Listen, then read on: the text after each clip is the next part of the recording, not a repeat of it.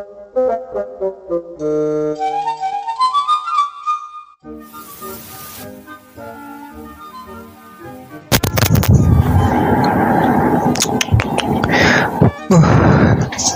okay. sebelum dimulai, teman-teman ini kalau teman-teman tahu ini ini ngerekamnya jam berapa coba? Jam 23.15. Ini HP mau mati nih sebenarnya, bentar lagi. Karena kan uh, aku suka uh, apa namanya? Uh, ngejadwal jam 3 ini nih. Ngejadwal jam 23.15 Nah ini aku sambil main teman-teman, jadi uh, sambil punya nyari inspirasi juga. Oke, okay. uh, satu dua tiga dan halo semuanya kembali lagi bersama Rido Roti di podcast paling nggak jelas. Di mana aku kalau misalkan nonton podcast podcast temen aku lah ya, itu rata-rata mereka podcast sama orang lain. Ini ini podcast paling keren loh, karena apa? Podcast udah nggak ada apa namanya, nggak ada orang yang uh, istilahnya kayak uh, apa namanya nggak ada narasumber terus tiba-tiba bikin podcast apa gitu. Ya, kayak ngobrol and comment gitu ya. Ade nggak apa ya namanya juga podcast malas poles kaca. Podcast malas keren asik dan penuh cerita. Oke. Okay. dan teman-teman bisa dengerin podcast yang nggak jelas ini di semua platform karena aku emang rencananya emang bikin semua platform jadi teman-teman bisa dengerin di semua tempat ya kecuali kalau teman-teman males. Gitu tapi tetap apresiasi. Karena apa? Karena bikinnya susah loh coy. Nunggu jam 23an kalau enggak ya habis sholat ya apa? Pas sholat sholat maghrib atau sholat isya harus bikin ya gitulah. Oke untuk kali ini uh, sebenarnya podcastnya sebenarnya agak simple lah dan ini mungkin sebenarnya kayak uh, apa namanya uh, sedikit ilmu buat teman-teman semuanya terutama yang uh, kuliah ya. Kuliah ini paling penting kuliah. Nggak cuman yang sebenarnya buat semua orang sih tapi aku khususin buat teman-teman kuliah. Jadi gini, uh, mungkin kalau teman-teman udah dengerin podcast podcast sebelumnya, ya aku nih uh, salah satu orang yang kuliahnya tuh ngerantau ya which is uh, bisa dibilang ngantornya ini uh, cukup cukup berbahaya maksudnya cukup menantang.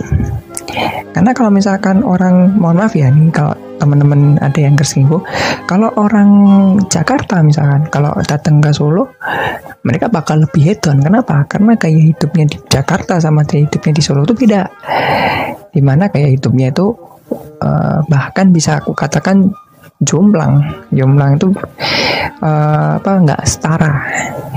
Kenapa kau bisa bilang kayak gitu? Kalau teman-teman ke Jakarta ini mohon maaf ini aku juga pernah ke Jakarta ya. Aku ke Jakarta tuh nyari makan untuk makan satu kali makan sepuluh ribu itu susah. Udah sama minumnya? Susah ya aku paling kalau misalkan sampai sepuluh ribu tuh sama makan sama minumnya itu ya cuman nasi sayur telur sama minum. Minum pun tawar. Tapi kadang ada yang uh, manis. Sepuluh ribu? Wah ada kan? Jam sebelas sih. Itu. Tapi apa pelajaran yang bisa aku dapat apa kalau sepuluh ribu di Jakarta seperti itu ya? Tapi kalau misalkan di Solo sepuluh ribu. Temen-temen udah dapet nas nasi sayur sama lauk. Lauk loh ya aku nggak ngomong uh, apa uh, telur doang. Tapi lauk loh lauk. Lauk satu plus teh anget. Teh manis anget plus mungkin bisa tambah uh, apa namanya tambahan gorengan lain kayak tahu, tempe dan lain-lain. Ini serius. Dulu temen aku ke ke Solo ya, ke Solo itu kaget, literally kaget. Kenapa kaget? Karena pas datang ke Solo uh, aku samperkan mereka ke nama-nama angkringan kan langsung waktu mereka makan makanya akan ngambilnya dikit karena mereka kebiasaan di Bandung eh, kalau teman-teman tahu aku kuliahnya di Bandung tempatnya di mana nanti teman-teman bisa cek aja di podcast sebelumnya literally waktu mereka makan di Solo pas mau bayar uh, bu ini berapa ya harganya? Sep, uh, terus dihitung semuanya sepuluh ribu. Langsung dia tuh ngambil ini ngambil ini ngambil ini. Ini serius aku nggak bohong ini serius.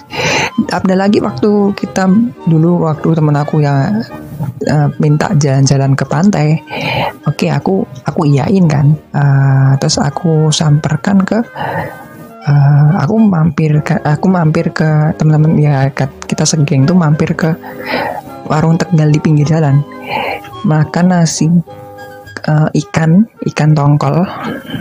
Oh, nggak salah ikan tongkol sama teh hangat itu sepuluh nggak nyampe sepuluh ribu. Langsung pas aku keluar pas kita keluar aku nanya ke, ke mereka murah nggak? Murah enak enak. Ya aku nggak bohong ini aku nggak bohong setiap kali uh, apa namanya aku jadi tour guide tuh aku aku kalau tour teman aku di luar kota Solo selalu aku tanyain seperti itu. Murah? Murah. Enak? Enak. Tuh. Nah ini kalau dari orang luar ke Solo kalau kebalikannya itu lebih susah. Kenapa? Uh, ini aku langsung aku kasih cerita mungkin ini bakal bisa dua part ya. Part pertama ini kita akan ngobrolin tentang gaya hidup, yang kedua part dua adalah ngobrolin tentang financial planning mungkin. Nah ini aku cerita ya, kan aku dari Solo. Ya which is kalau makan kan ya paling 5 ribu, 6 ribu, 10 ribu itu paling mahal lah ya. Kalau di Bandung dulu, uh, kalau mungkin teman-teman Bandung, 10 ribu tuh nasi sayur eh nasi nasi nasi sayur telur tapi dapat gorengan tapi enggak minumnya enggak enggak teh manis. Andai kata di minumnya uh, minumnya teh manis itu bisa. Tapi literally sepuluh ribu itu masih bisa cuman nggak semua lauk. Kalau di Solo semua lauk bisa. Nasi sayur telur nasi sayur ayam itu tujuh ribu. Teh hangatnya dua setengah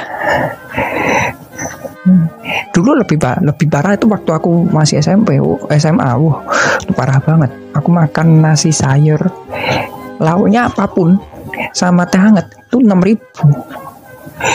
Ya. Ini mungkin kalau misalkan teman-teman aku yang dari Jakarta sama Jak uh, Bandung mungkin kalau denger ini langsung kayak eh, itu beneran serius itu. Itu nggak beracun atau gimana? Ini serius. Ini sebenarnya serius. Bukan karena emang uh, apa namanya? Bukan karena apa ya emang emang mungkin salah satu faktornya adalah UMR dan lain-lain ya pokoknya banyak hal yang ya aku nggak bisa jelasin. Ya, tapi emang benar-benar literally itu murah banget waktu ya terus akhirnya di Bandung ya di Bandung tuh kuliah 4 tahun bayangin 4 tahun tuh nyari makan murah itu susah. Tapi nggak sesuai Jakarta jujur. Meskipun masih sering dapet ya dapet yang murah-murah tapi ya tetap nggak bisa seperti yang aku bayangin waktu apa namanya aku rencanain di awal. Di awal itu aku rencana mau makan apa sorry aku mau rencana uh, makan nas uh, apa namanya pengeluaran tuh nggak nyampe sejuta per bulan. Karena aku kan dikasih uh, uang saku tuh cuma satu juta per bulan. Dan itu pun masih dikasih 500 ribu buat jaga. Itu dulu aku bener-bener kalau misalkan nabung ya bener-bener nabung tuh bingung. Nggak kayak ya jujur aja langsung aku ngomong dulu tuh nabung susah banget teman-teman karena ya di sisi lain faktor uh, makan ya makannya tuh udah mahal. Terus di satu, satu sisi uh, kita harus jaga kesehatan.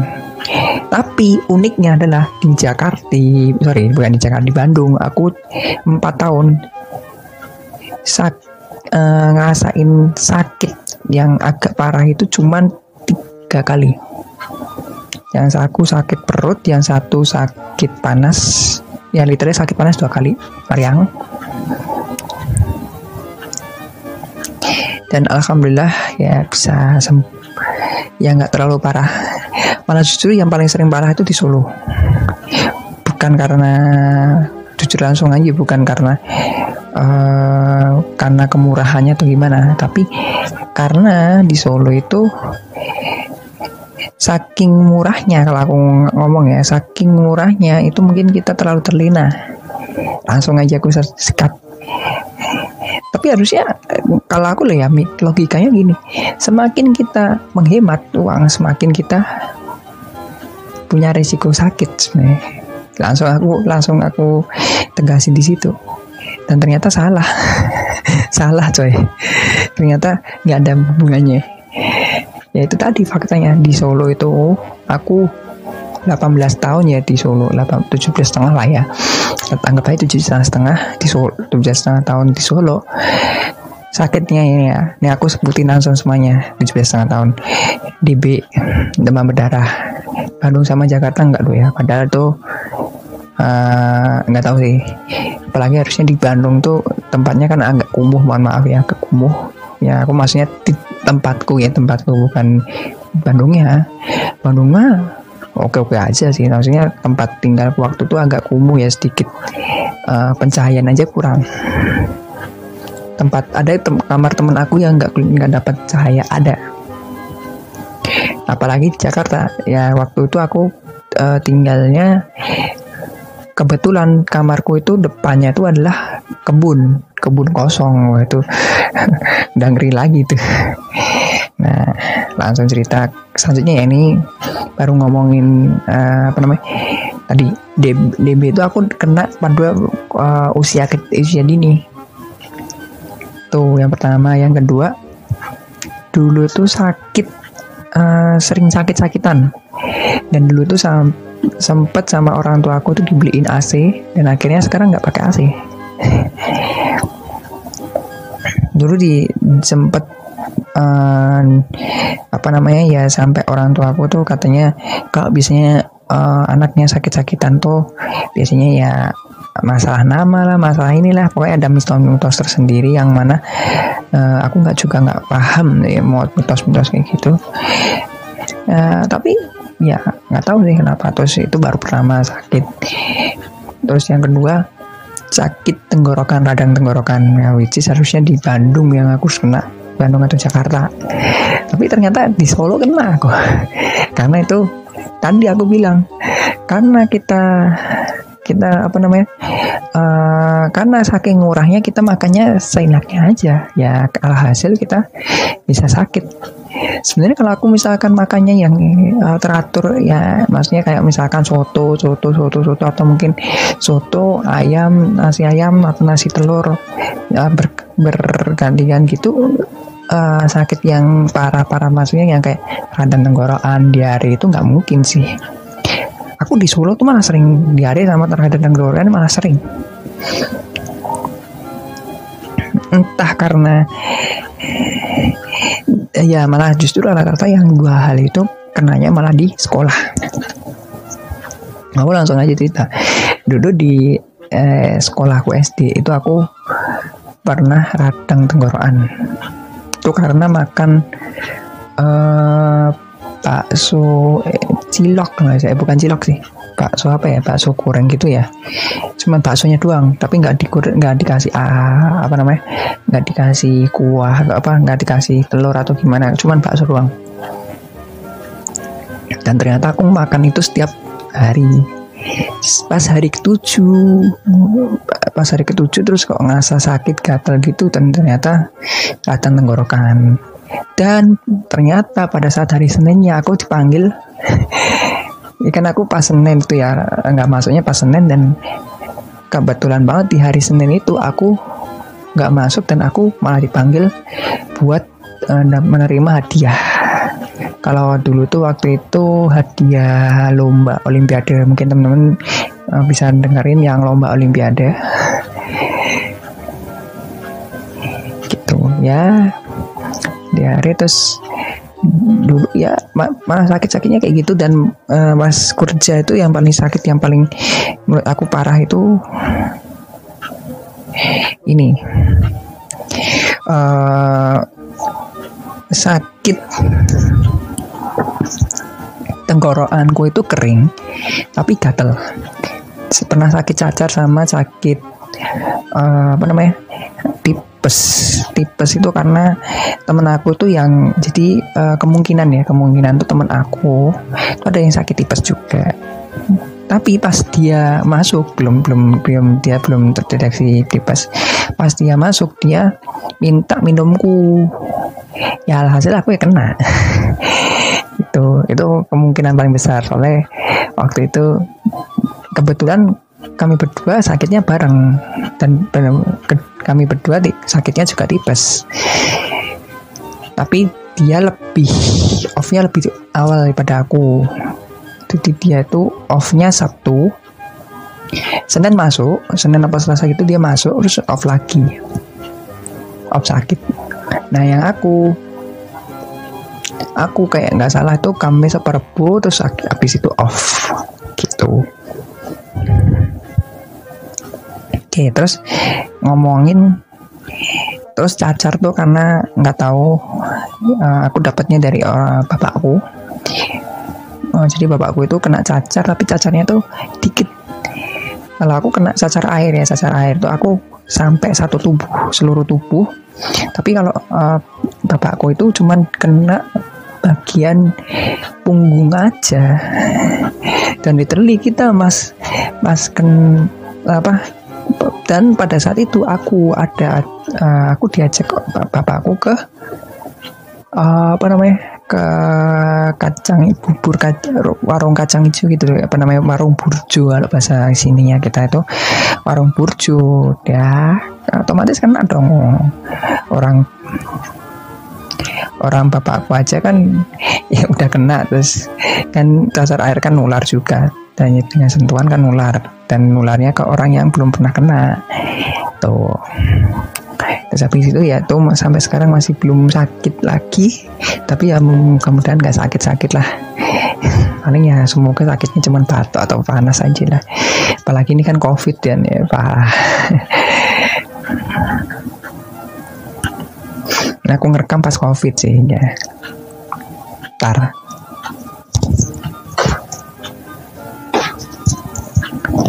terus lanjut nih. Uh, ngomongin tadi udah ngomongin tentang uh, apa namanya? Uh, tentang kok lah kok bisa sih? Kok malah justru di Solo sama di justru ya nih di Solo kok malah sering sakit ya? Aku masih bingung gitu. Itu benar sih aku sampai sekarang itu aku nggak pernah paham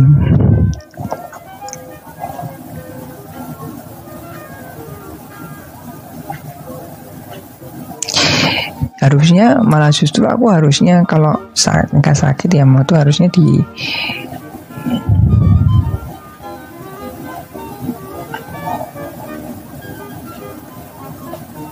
di Bandung ya. Karena aku bener-bener nggak peduli sama cara makan aku Bandung sama Jakarta. Dulu aku di Jakarta tuh mohon maaf ini aku mungkin kalau misalkan uh, salah satu teman kerja aku dengerin aku underpaid loh di Jakarta. Karena dulu statusku magang waktu itu status magang. Dan ayahku bilang ya udah nggak apa-apa kamu ambil aja tapi nanti tak tambahin. Dan meskipun ditambahin bapakku satu juta doang tapi rasanya tuh kayak survivalnya gila-gilaan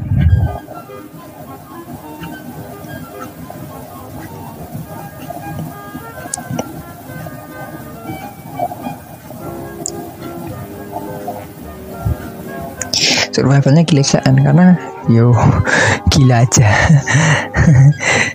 Empat setengah di Jakarta itu gila. Itu udah udah ditambahin bapakku pas setengah. Itu belum bayar kos sama belum bayar uh, keperluan lain. Mak, dulu kalau teman-teman tahu foto kuliah di Jakarta, dulu kan difotoin sama temen aku, bener-bener kurus banget. Nah sekarang kan agak sedikit uh, berisi, cuman nggak sekurus dulu apa nggak sekurus waktu kuliah eh waktu di Jakarta. Oh gak di Jakarta tuh aku pernah sampai makan dua kali sehari. Karena saking benar-benar menghematnya. Gitu. Tapi aku malah jarang sakit malah di Jakarta. Cuman kurus aja sih. Karena dulu pernah juga yang paling parah itu makan uh, ini dulu tuh pernah makan sayur basi coy. Jadi mungkin dia bikin apa si si ininya ya si pedagangnya itu bikin sayurnya itu pagi tapi sampai ganti shift itu dia nggak ganti. Kan harusnya itu diganti. Diganti atau ya minimal diangetin lah ya. Itu nggak diganti jadi ya mau nggak mau ya makan sayur basi. Sayur ya benernya hitungannya sih basi sih karena emang rasanya udah nggak enak banget sih waktu itu. Nah tapi ya nggak apa-apa lah ya baru sekali cuma sekali sih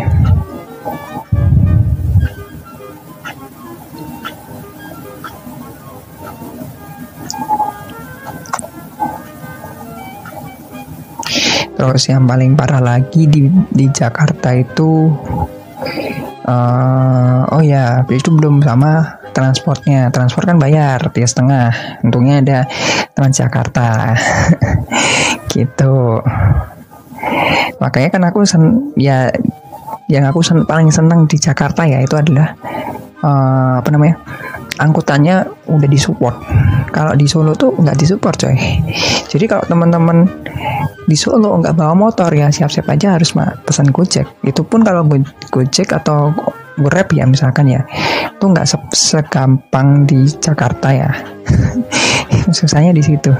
Cuma rata-rata kebanyakan orang di, orang yang ngegojek di Solo itu udah ngegojek atau ngegrab ya atau ojol di Solo itu udah hafal jalan untungnya nggak kayak di Bandung apa di Jakarta dulu ada orang apa dulu di kalau nggak salah di Jakarta ya itu sampai si itunya si sopirnya tuh nggak tahu jalan.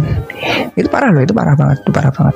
Apalagi teman-teman yang jadi uh, ojol ya uh, jadi ojol sebagai mata pencarian tuh bahaya banget loh. Kalau sampai nggak hafal jalan tuh bahaya.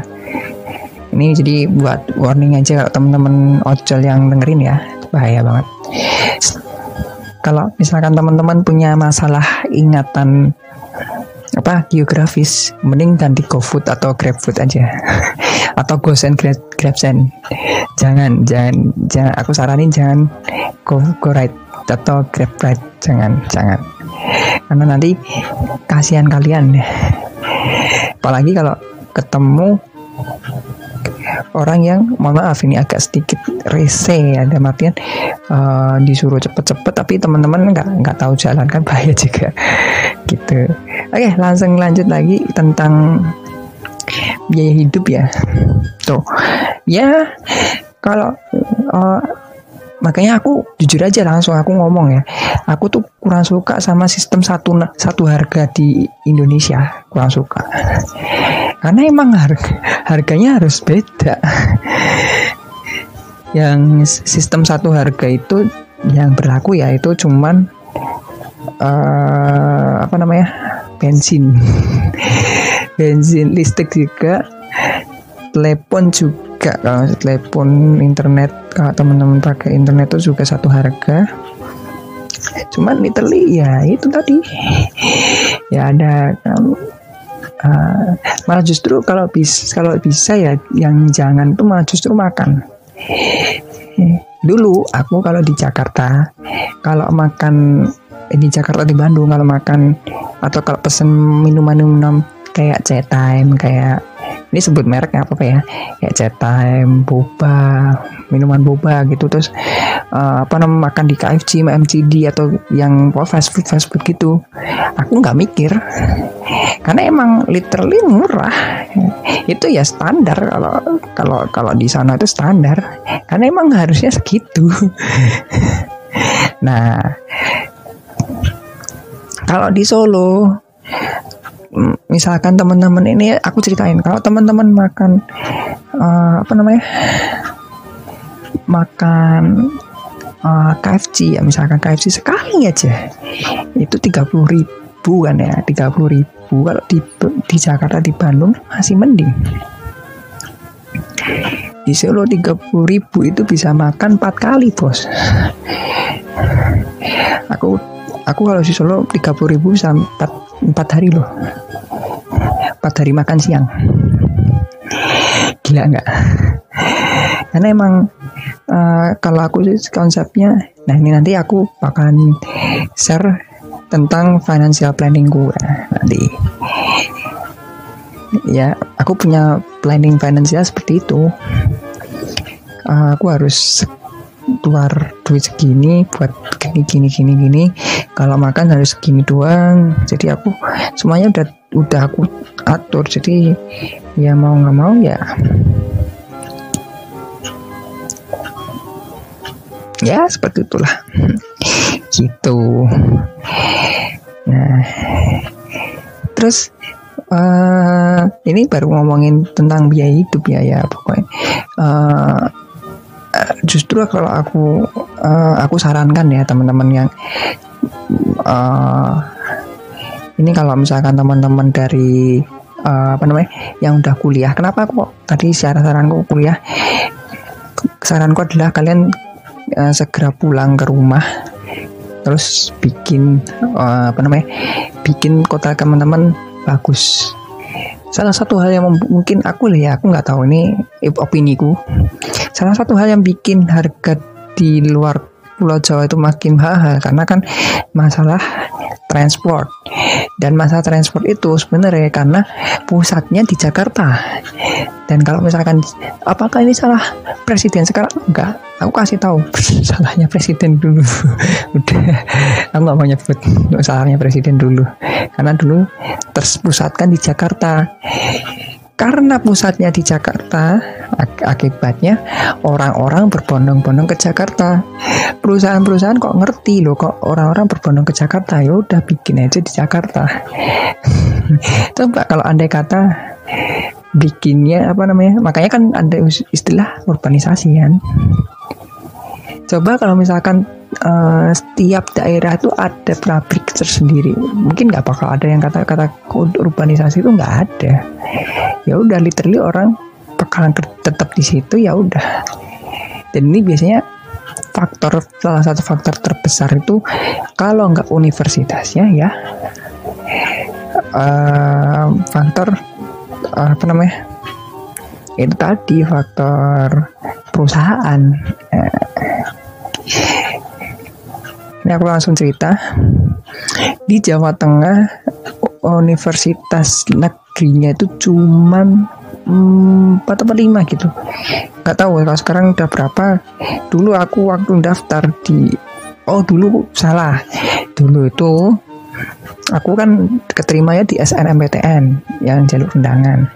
Dulu itu aku mau daftar di daerah karena zamanku dulu setiap semua semua mahasiswa semua siswa kelas 3 itu dapat jatah buat gacha. Gacha ke universitas. Dan dulu tuh aku uh, gacanya itu uh, apa sistem gacanya itu adalah kamu nggak uh, apa uh, kamu harus kalau misalkan punya dua pilihan kalau punya satu kalau milih satu doang bisa milih ke semua tempat. Tapi kalau misalkan milih dua satunya harus salah di wilayah yang sama wilayah. Dan kebetulan aku kan di Jawa Tengah dan itu wilayah ketiga. Wilayah dua itu Jawa Barat Banten sama DKI dan wilayah satu itu di Sumatera. Nah itu yang pertama. Yang kedua uh, nggak boleh apa namanya kalau misalkan pilih dua jurusan itu harus satu kampus. Makanya dulu pilihanku ya yang di Bandung sama di Solo. Gitu.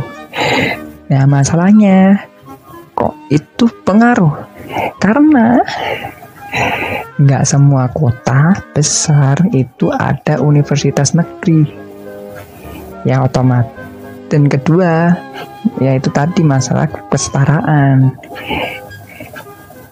Ya makanya kok ada yang bilang oh, kok di Papua oh, kok apa namanya di Papua kok masih apa belajarnya kok kayak kelas 6 S kelas 3 SMP-nya Papua kok kayak kelas mohon maaf ya kalau misalkan tersinggung kelas 3-nya SM kelas 3-nya di Papua kok sama kayak kelas satu kelas 6 SD-nya di Jawa ya kenapa? Ya itu salah satu faktornya di situ. Salah pemerintah ya kita bisa nggak nggak bisa ngomong se, se, semudah itu karena ya balik lagi ini masalahnya di mana kita nggak tahu. Bisa jadi itu channeling. Karena ya tadi uh, secara ininya juga uh, apa namanya secara pemikiran juga nggak terlalu. Ya uh, secara secara mohon ya secara output uh, pegawainya juga apa output uh, calon pegawainya aja um, yang berbeda-beda ya akhirnya pay paymentnya juga berbeda-beda. Karena payment berbeda-beda terus biasanya karena latar belakang dan bla bla bla bla bla nya kebanyakan akhirnya terus milih ya udahlah pindah ke Jakarta. Itu terus akhirnya banyak kok Jakarta banyak ya udah bikin bikin uh, perusahaan di Jakarta aja. Itu sampai salah satu apa namanya salah satu usahanya bosku itu buka di Jakarta. Dan bosku salah satu bosku juga pernah ngomong kalau kita buka di Jakarta kita bakalan gede. Padahal nggak semuanya kalau buka di Jakarta itu gede. Karena kosnya gede. Mending bu kosnya gede. Tapi kalau misalkan buka di Jakarta dengan kos gede tapi revenue nya gede itu malah justru bagus karena supply-nya kecil. Itu yang masalah. Nah aku mikirnya gini kalau misalkan setiap kota itu ada tempat supply mungkin bisa jadi eh, permasalahan kayak gini logistik itu bakal murah terus. Nah kita nggak tahu. Makanya kenapa aku bilang ya mungkin itu bukan salah satu faktor ya. Aku aku balik lagi. Itu bukan salah satu faktor kenapa kok di Solo makannya murah terus di di Bandung Jakarta makannya mahal aku nggak tahu. Itu. Nah makanya kan aku salah satu pesannya adalah kalau bisa teman-teman setelah kuliah balik lagi bangun desanya. Kalau bisa eh, tempat jadi tempat kayak tempat pengepul gitu bagus man. Ya macam-macam logistik tadi. Itu malah justru lebih keren. Gitu. Jadi uh, ya terus akhirnya pada akhirnya uh, duit itu hanya nilai. Ya ujung-ujungnya itu. Makanya kok ya sampai ada dulu ada yang status pengen apa ke uh, eh, UMR Jogja ke apa gaji Jakarta terus gini gini lah aku langsung balik naik balik ngasih. Nanti dibahas di financial planning. Kamu kalau misalkan gajinya empat kali lipat UMR sama aja sama kayak satu kali UMR kalau kamu masih mikirnya sama. Itu nanti kita bahas di financial planning ala Rido Roti. Oke. Jadi kesimpulan dari pembicaraan ini adalah ya ya kalau uh, ini harusnya biaya hidup itu uh, harus diperhitungkan dengan matang teman-teman. Lagi ya teman-teman yang hidupnya di luar kota ya siap-siap aja. Oke, dah. Udah gitu aja teman-teman untuk podcast ini podcast part pertama ya. Part keduanya nanti adalah tentang uh, financial planning gitu. Oke, okay. makasih yang udah dengerin. Jangan lupa like, share, subscribe dan mohon maaf kalau tadi aku udah bilang kalau misalkan ada yang tersinggung, mohon maaf. Tapi nanti kalau misalkan kayak tersinggung terus kayak pengen mengubah itu, aku pasti dukung, dukung dalam artian pasti kamu bisa dan aku juga sama seperti yang aku pengen omong apa aku pengen kayak apa yang aku pengen omongin itu adalah aku pengen bikin perusahaan di Solo dan pengen perusahaan ini bisa gede bisa bikin kota-kota sekitarku apa namanya secara UMR-nya bisa jadi kecil. Ya tapi nggak bisa sih UMR kecil nggak bisa. Yang penting kayak hidupnya bisa kecil. Gitu. Oke makasih. Dan salam latih semuanya. Bye bye.